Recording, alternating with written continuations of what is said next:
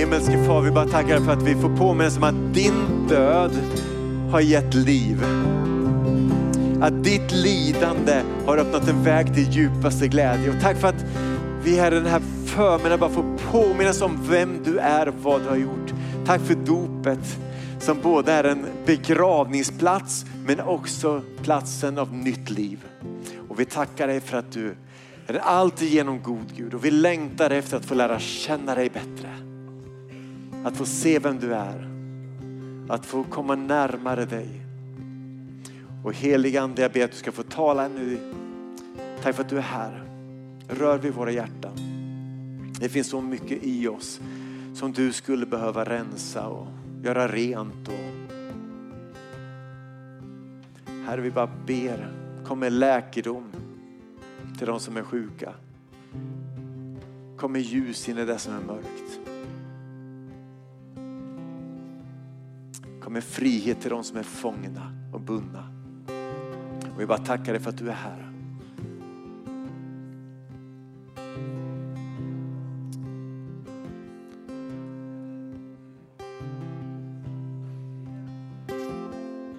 Herre hjälp oss att vi vet att du är närvarande så hjälp oss att vara närvarande i den här stunden. Få andas in av din godhet. Så heligande kom och blås på oss.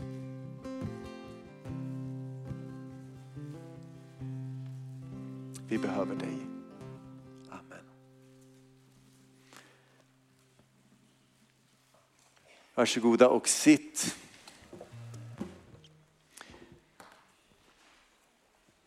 Vi har under en månad gjort någonting spännande. Vi har talat om det vi kan vilka är som motsättningar i den kristna tron. För när vi öppnar Bibeln så kan man läsa hur Jesus i samma mening säger att ni ska vara glada då ni sörjer.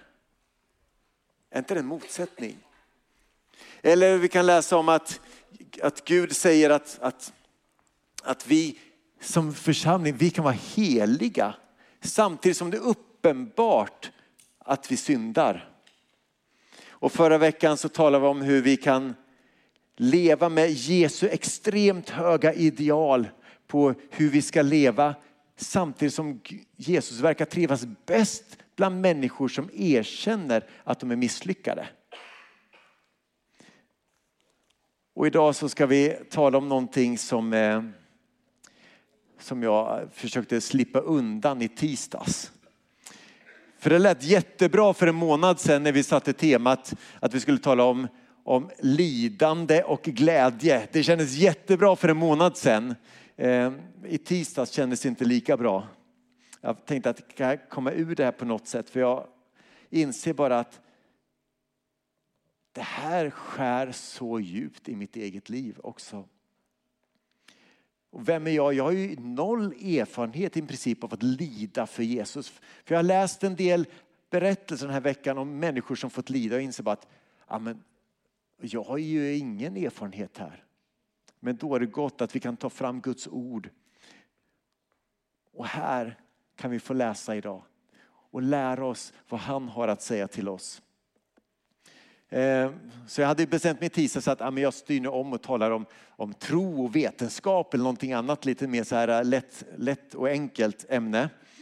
Eh, och sen så på bönen och lovsången i onsdags kväll så går Madeleine Lojander, jag vet inte om du är här?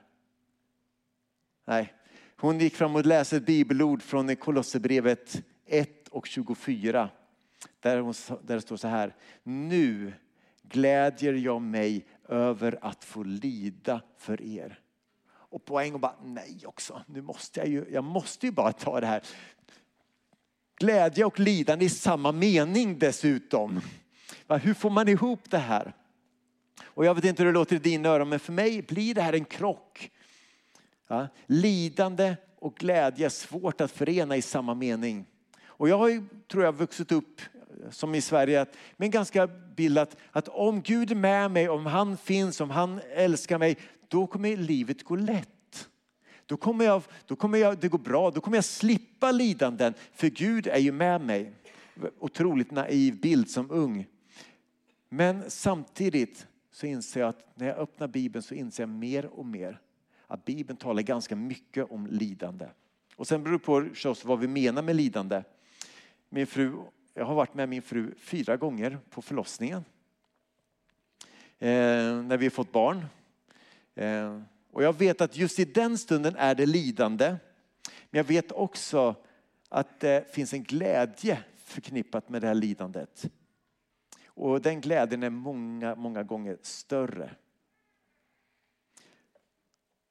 Och jag, ja men I de här situationerna som när man ska få, få föda barn så är det ett lidande men det som kommer ut där är någonting så, så mycket större.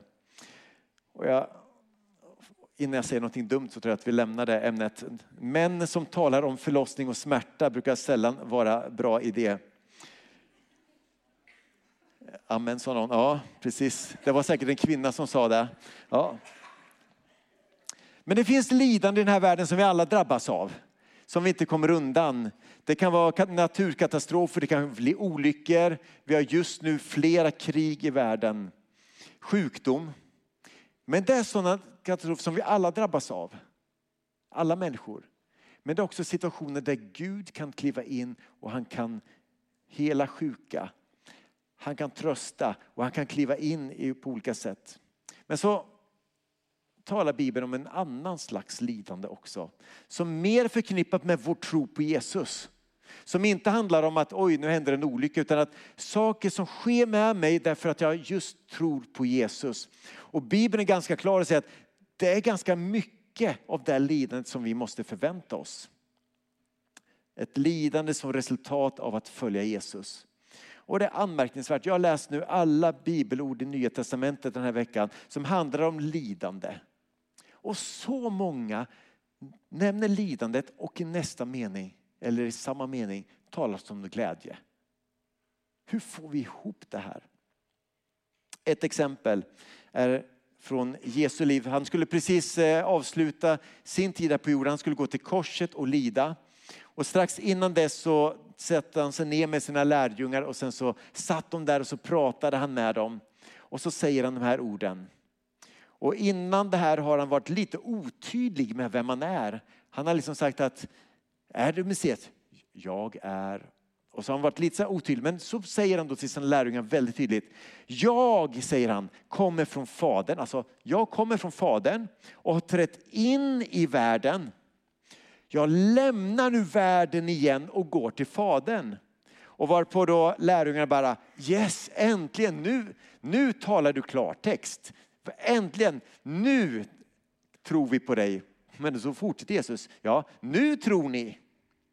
Men den stund kommer och den är redan inne då ni ska skingras. Var och en åt sitt håll och lämna mig ensam. Men så ser de här orden, men jag är inte ensam. Eftersom Fadern är med mig. Och detta har jag sagt till er för att ni ska ha frid i mig.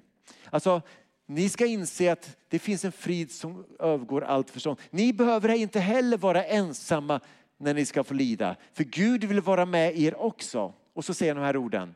I världen får ni lida. Men var inte oroliga. För jag har besegrat världen. Det finns ett lidande i att vandra på Guds väg och att göra Guds vilja i den här världen. Och det är ett lidande som de flesta av oss som vuxit upp i Sverige är helt förskonade ifrån. Men går vi bara ut i världen så ser vi att en stor, stor del av världens kristna lider för sin tro. Och vet att tro på Jesus kan innebära att jag inte längre kommer leva, vi kommer bli martyrd för min tro. Och då menar jag inte liksom alla de här lidanden som alla drabbas av utan lidande som är förknippat med min tro på Jesus. Och Bibeln använder uttrycket gång på gång, att lida för Kristus. Alltså det finns ett pris att betala för att följa Jesus. Samtidigt är Bibeln så tydlig att priset att inte följa Jesus är oändligt mycket större. Att gå miste om det eviga livet. Samtidigt säger Bibeln att det finns en glädje att följa Jesus. Så lidandet och glädjen, priset och glädjen går ihop. Lärjungen Petrus han skrev i sitt första brev, och det kommer bli ganska mycket bibelord idag så att du är med på det och lycka till alla tolkar med det. Petrus han skrev i sitt första brev hur Gud i sin stora barmhärtighet har fött oss på nytt till ett levande hopp genom Jesu Kristi uppståndelse från de döda. Till ett arv, alltså någonting vi får som inte kan förstöras, som inte kan fläckas eller vissna och som väntar er i himlen. Bara vilken glädje, tänk att få ett arv som väntar i himlen som alla vi får. Tänk att det finns något så fantastiskt så att det får alla världens rikedomar att blekna. Någonting som är dyrbarare än allt annat. Och sen säger han så här vidare. Därför kan ni jubla. Ja, det är inte konstigt. Har jag ett arv som väntar i himlen så klart jag kan jubla. Även om ni just nu för en kort tid skulle behöva utstå prövningar av olika slag. För att det som är äkta i er tro. Och detta är långt dyrbarare än det förgängliga guldet som dock måste renas eller prövas i eld. För att det som är äkta i tro, står det så här, ska ge pris, härlighet och ära när Jesus uppenbaras. Och Paulus han är inne på precis samma spår. Han säger att, att han, Jesus, han har gett oss tillträde till den där nåden som vi nu lever i. Och vi är stolta över hoppet att få del av Guds härlighet. Och det är så fantastiskt. Tänk att vi får del av Guds härlighet. Och han säger mer än så. Alltså kan det bli bättre än att få del av Guds härlighet? Ja, mer än så. Vi är stolta över våra lidanden. Och genast sjönk temperaturen i läsningen. Eftersom vi vet att lidandet skapar uthållighet, uthålligheten fasthet och fastheten hopp. Och hoppet sviker oss inte. Och så knyter han an till just det där som Jesus sa. När Jesus sa att vi inte skulle behöva vara ensamma. Han säger att för Guds kärlek är utgjuten i era hjärtan genom den helige ande. Genom att han har gett oss den heliga ande. Alltså det här med lidande och glädje, märker ni att det går hand i hand? Att ena stunden jublar man med wow, han har, allt han har gjort för mig. Och i nästa stund, och jag är stolt över att få lida för det här. Och jag har lite svårt, jag tänker lidandet, det är ett misslyckande. Om jag ska behöva lida för min tro, då har jag nog gjort någonting fel. Då har jag inte liksom levt på det sätt som Gud vill eftersom jag misslyckades. Det är ett misslyckande. Men Bibeln säger inte så. Han, snarare tvärtom. När du följer Jesus, när du vill leva tillsammans med honom, när du vill göra det Jesus gjorde, när du vill vara en, ett redskap för honom i den här världen, då får du förbereda dig på lidande. Det är någonting som vi inte behövt att göra i vårt land på länge. Men jag tror att Gud behöver förbereda oss för det. För jag tror att vi står inför tider när vi kommer att behöva lida för vår tro. Det var en grupp eh, kristna i norra Indien som eh, hade bönesamlingar flera gånger i veckan och de bad regelbundet för andra troende. Och så kom det nyheter att många av de kristna i Nepal hade satts i fängelse och arresterats just på grund av sin tro. Och det här innebar att man på det här indiska bönemötet samlades och, och så bad man för de kristna i Nepal. De bad, Herre Låt dem bli släppta så snart som möjligt. Gud bevara deras liv i fängelset. Och de bad länge och efter en lång stund så började en äldre kvinna att be. Och hon bad en helt annan slags bön. Hon bad så här. Herre, varför gav du dem och inte oss äran att få lida för dig?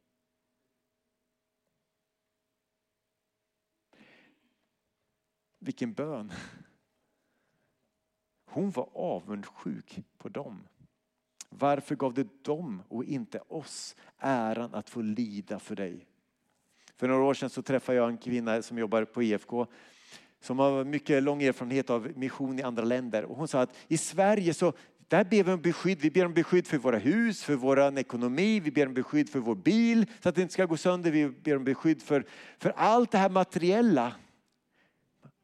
Men på missionsländerna, i andra delar av världen, där ber man beskydd för min tro. Jag ber om beskydd så att jag när jag möter lidande och prövningar inte ska tappa min tro. Det är vad man ber om beskydd om där. Och när jag hörde bara att åh, så jobbigt. För det krockar in i mitt liv. Och i princip alla huvudpersoner som vi möter i Bibeln, de fick uppleva mängder saker tillsammans med Gud. De fick bota sjuka, de fick se människor som var bundna bli fria, de fick vara med och väcka upp döda. Det var så mycket de fick se av Gud. Men det var också människor som hela tiden fick lida. Prövningar, lidande och svårigheter och kamp är en del av att leva när vi lever tillsammans med Jesus. Och Paulus är en av alla dem som fick lida för sin tro. Och han är så snäll och så vänlig att han faktiskt skriver ner en lång lista på saker av lidande som han gick igenom. Vi ska läsa den från första, eller andra Korinthierbrevet. Den kommer upp på skärmen också. Han säger så här att jag har arbetat mer än de flesta, suttit i fängelse mer än de flesta, fått prygel i övermått och ofta riskerat livet. Av judarna har jag fem gånger fått 40 minus ett slag. Tre gånger har jag lidit spö. En gång har jag stenats. Tre gånger har jag lidit skeppsbrott. Och ett helt dygn har jag drivit, om, drivit omkring på öppna havet. Och sen talar han om alla de faror som han har mött på sina resor i städer och på havet och i öknar. Och sen säger han här, jag har arbetat och slitit, ofta vakat, jag har svultit och törstat och ofta fastat. Jag har frusit och varit utan kläder. Och vid ett tillfälle som när han verkligen led för Jesus. Han satt i ett fängelsecell. Så började han att skriva. Han skriver ett av de mest fantastiska breven, Filipperbrevet. Och i Filipperbrevet som brukar kallas för glädjens brev. Det skrev han i fängelset. Och när han skrev det här så nämner han ordet glädje 15 gånger. Och för att vara ett litet brev så är det mycket. 15 gånger finner vi det uttrycket att glädje. Och där inser vi att vad var det som gjorde att han kunde vara glad mitt i sina lidanden? Tre saker vill jag bara nämna. Det första, han hade sin glädje i Jesus. I Filipperbrevet 4.4 säger han att glädjer i alltid i Herren. Än en gång vill jag säga glädjer. Alltså för Paulus var Jesus, det, det var det var hans allt. Han älskade Jesus. Han var uppfylld av Jesus. Han gjorde allt. Han ville leva hela sitt liv för Jesus. Och här i Filipperbrevet så får vi också den här fantastiska beskrivningen av hur Jesus, Gud själv, kliver ner på jorden till oss. Från himlen, han lämnade Guds härlighet för att kliva ner, anta en tjänares gestalt och bli som en av oss. Och när han till det yttre hade blivit människa gjorde han sig lydig ända till döden på ett kors. Han var villig att lida för vår skull. Och då står det därför har Gud upphöjt honom över allting. Gett honom det namn som står över alla andra namn. För att alla knän ska böjas för Jesu namn i himlen och på jorden och under jorden. Och alla bekänna att Jesus Kristus är Herre, Gud Fadern till ära. Så för Paulus var Jesus hans drivkraft. Paulus älskade Jesus för han insåg att Jesus, Gud själv, älskar honom. Han älskar oss. Och han var villig att gå i döden för din och min skull. Och det är därför han i Filipperbrevets första kapitel uttrycker sig så här att ty för mig, säger han, är livet Kristus och döden en vinning. För då får jag ju vara med med Jesus. Jag vet inte om det är slogan för ditt liv. För mig är livet Kristus och döden en vinning. Det andra som han säger, han hade sin glädje i församlingen. Så här står det i kapitel 1 och vers 3. Jag tackar min Gud var gång jag tänker på er. Alltid. I alla mina böner för er alla. Och det är en med glädje som jag ber för er. Paulus älskade Jesus men han älskade också sin församling.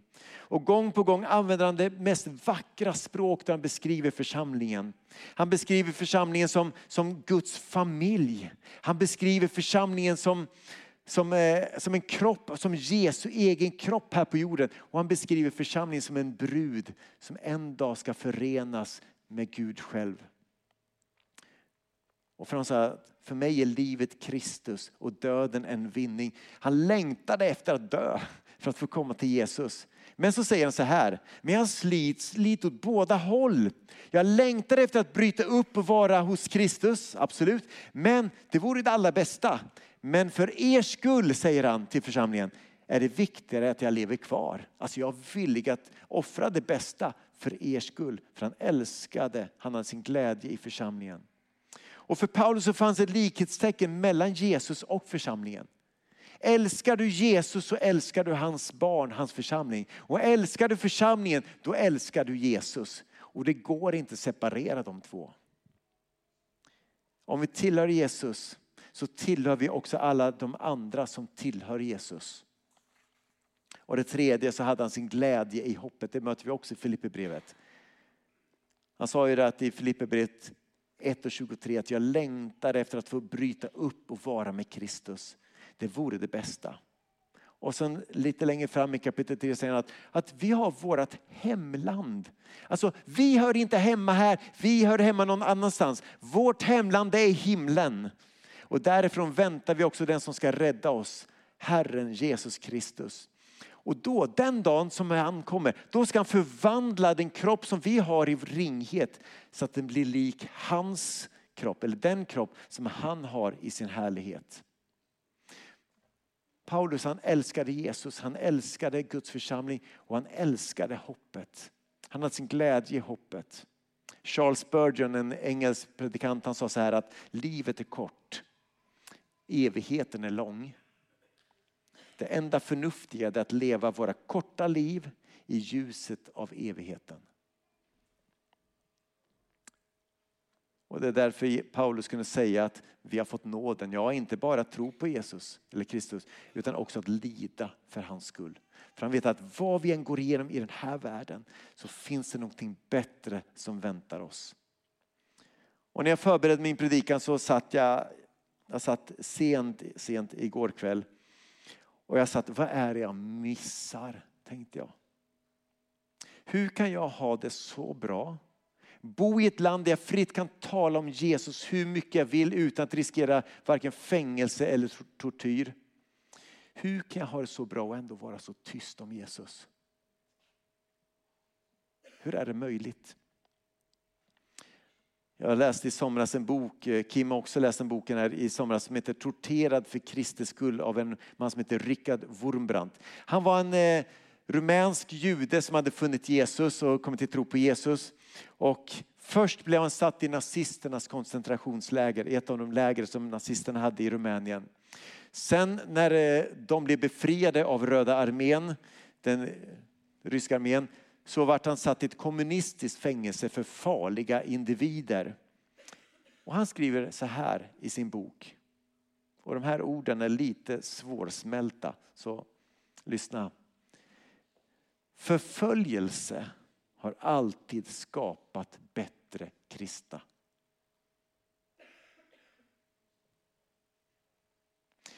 Förföljelse har alltid skapat bättre kristna. Vittnande kristna själavinnande kristna.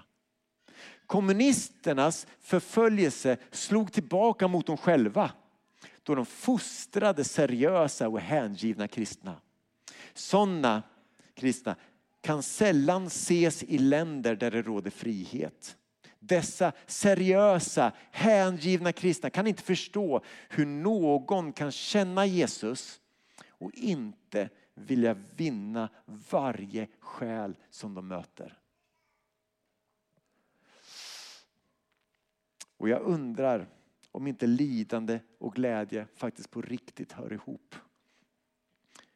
Att vi inte på djupet kan vara riktigt lyckliga och glada om vi inte fått smaka på lidande. Och när jag läste igenom alla bibelord i Nya Testamentet om lidande så inser jag bara att det är som att Gud vill säga att om du får gå igenom lidande där kan du hitta den största glädjen. Och Jesus säger faktiskt i bergspredikan att saliga eller glada, lyckliga är de som förföljs för rättfärdighetens skull. de tillhör himmelriket. Och saliga ni när man skymfar och förföljer er och på allt sätt förtalar er för, mitt, för min skull. Gläd er och jubla. Er lön blir stor i himlen. För på samma sätt förföljdes ju profeterna före er tid. Och i sin bok så berättar Richard Wurmbrandt om situationen han hade i fängelset. Han säger så här. Det var strängt förbjudet att predika för de andra fångarna. Det var underförstått att den som ertappades med att göra det skulle bli ordentligt misshandlad. Ett antal av oss bestämde oss för att priset, att vi var villiga att betala priset för det privilegier det innebar att få predika. Vi accepterade deras villkor. Det var en tyst överenskommelse. Vi predikade Jesus och de slog oss. Vi var glada att predika och de var glada av att slå oss. Så alla var nöjda. Alltså hur går det att förena glädje och lidande på det sättet? Och jag inser bara när man har läst hans bok om hans kärlek till Jesus att det här skaver. Det här skaver i mitt svenska hjärta. Där jag har det så bra. Vi har det så bra, vi har allt vi behöver och mycket mer därtill. Vi vill ha det alla andra har. Vi gillar bekvämligheten, vi gillar prylarna, vi gillar underhållningen som vi finner i den här världen. Och sen tror vi också på Gud, så vi stoppar in Gud i allt andra som vi ändå har i våra liv.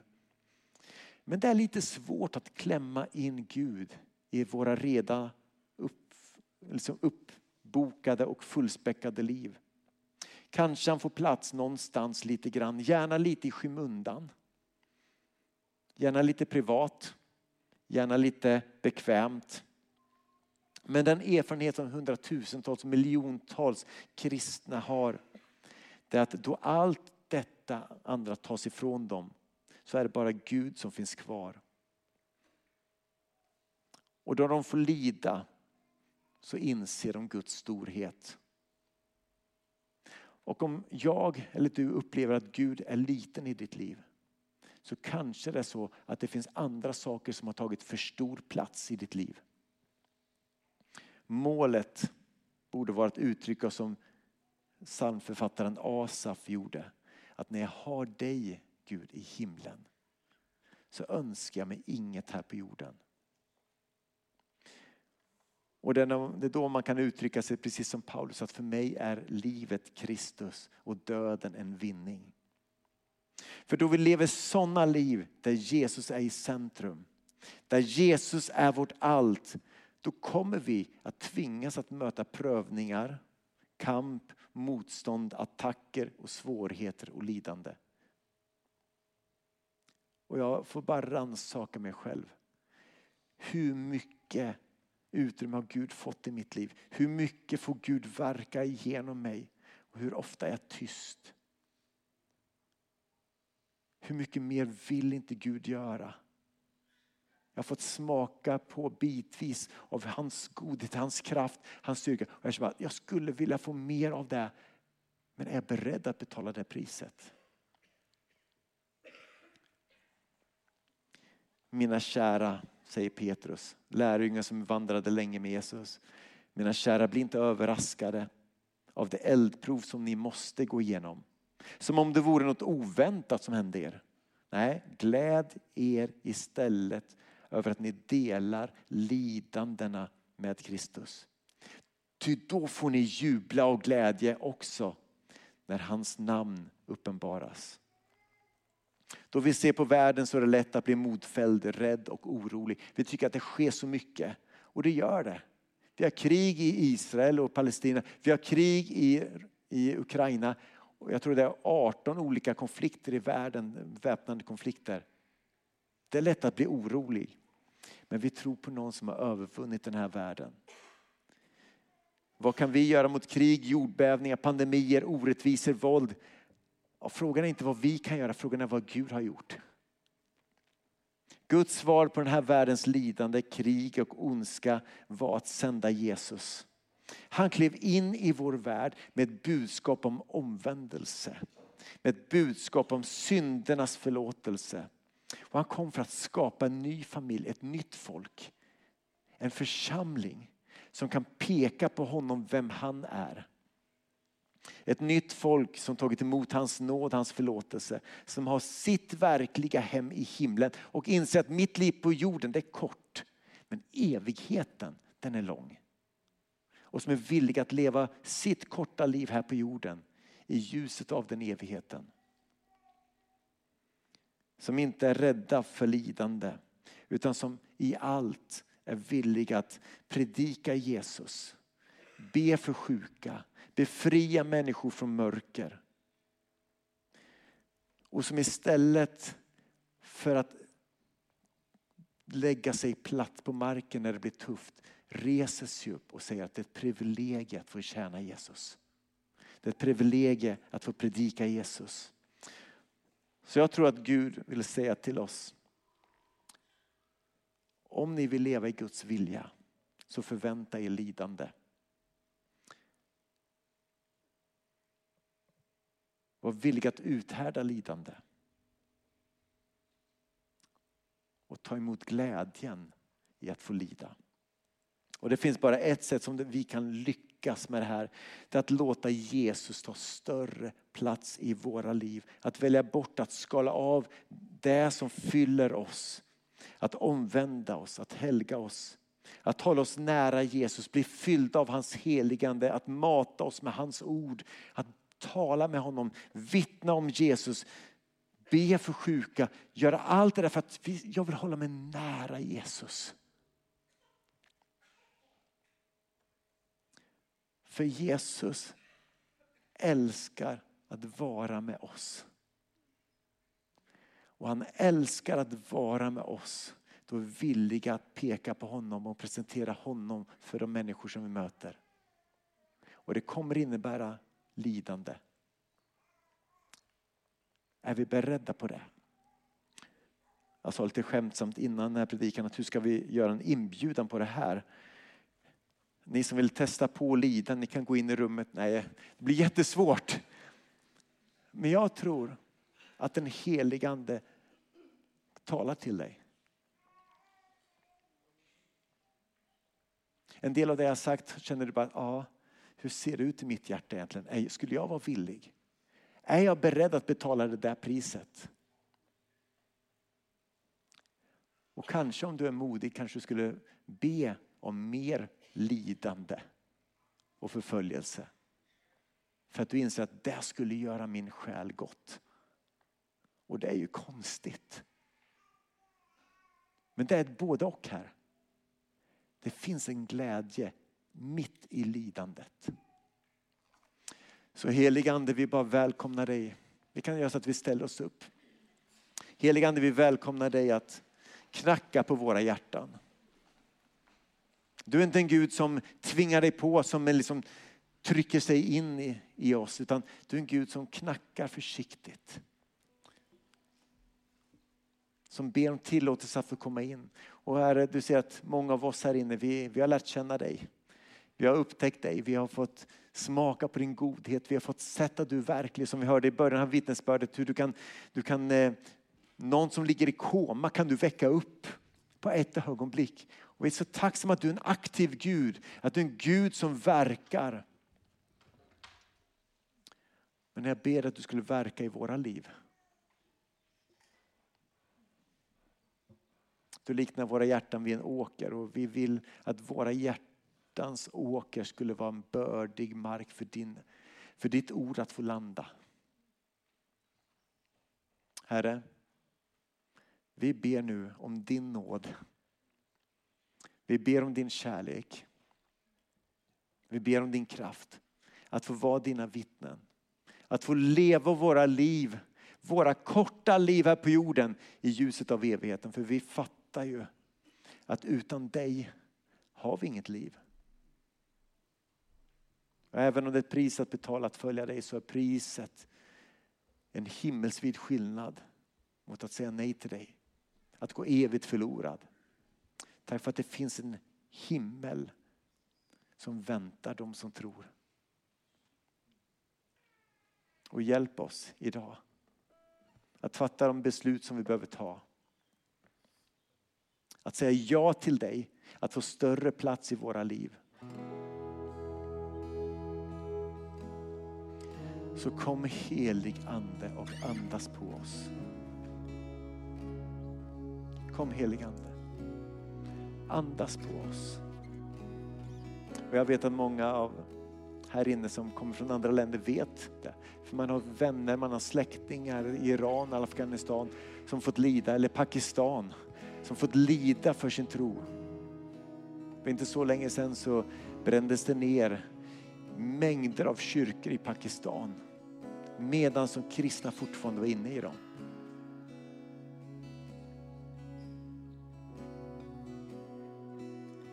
Men de slutar inte att träffas för det.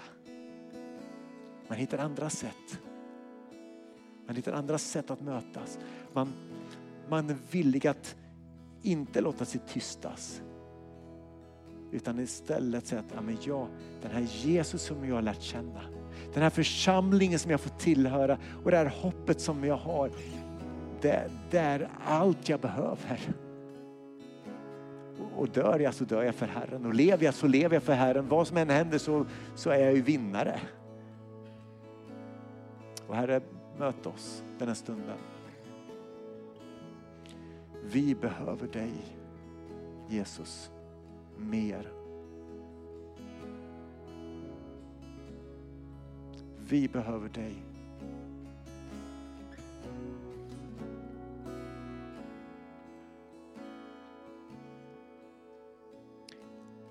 Skulle bara uppmana att i stunden formulera en bön till Jesus. Prata med honom. Berätta. Vad, vad händer i dig just nu? Berätta det för Jesus.